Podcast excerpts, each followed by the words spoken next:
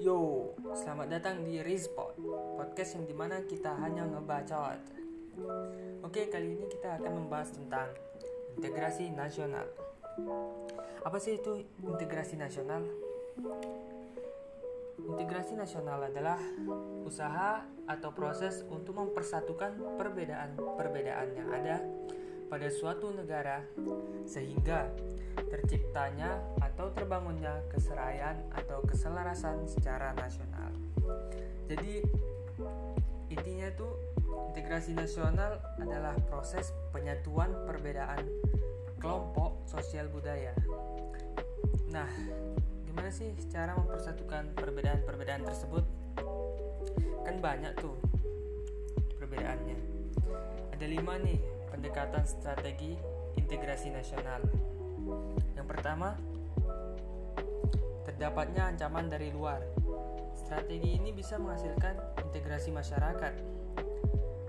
Masyarakat pasti bersatu, walaupun berbeda suku, agama, serta ras ketika mengalami musuh bersama.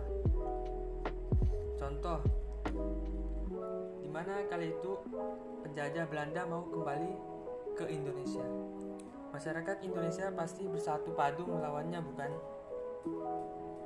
Suatu bangsa yang tadinya berseteru dengan kerabat sendiri, ada suatu kala di mana mereka bisa berintegrasi jika adanya musuh negara yang tiba-tiba muncul ataupun ancaman yang berasal dari luar negeri. Terdapatnya asumsi musuh dari luar Terdapatnya asumsi musuh dari luar mengancam bangsa juga mampu mengintegrasikan masyarakat bangsa itu sendiri. Yang kedua ada gaya politik kepemimpinan. Gaya politik para pemimpin bangsa bisa menyatukan ataupun mengintegrasi masyarakat tersebut. Kalau pemimpinnya yang karismatik dan dicintai rakyatnya, serta mempunyai jasa-jasa besar biasanya sanggup menyatukan bangsanya yang terjadi yang tadinya tercerai berai. Yang ketiga, kekuatan lembaga-lembaga politik.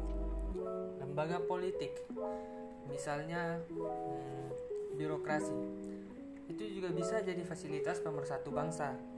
Birokrasi yang satu serta padu bisa menghasilkan sistem pelayanan yang sama serta diterima oleh masyarakat yang bermacam-macam.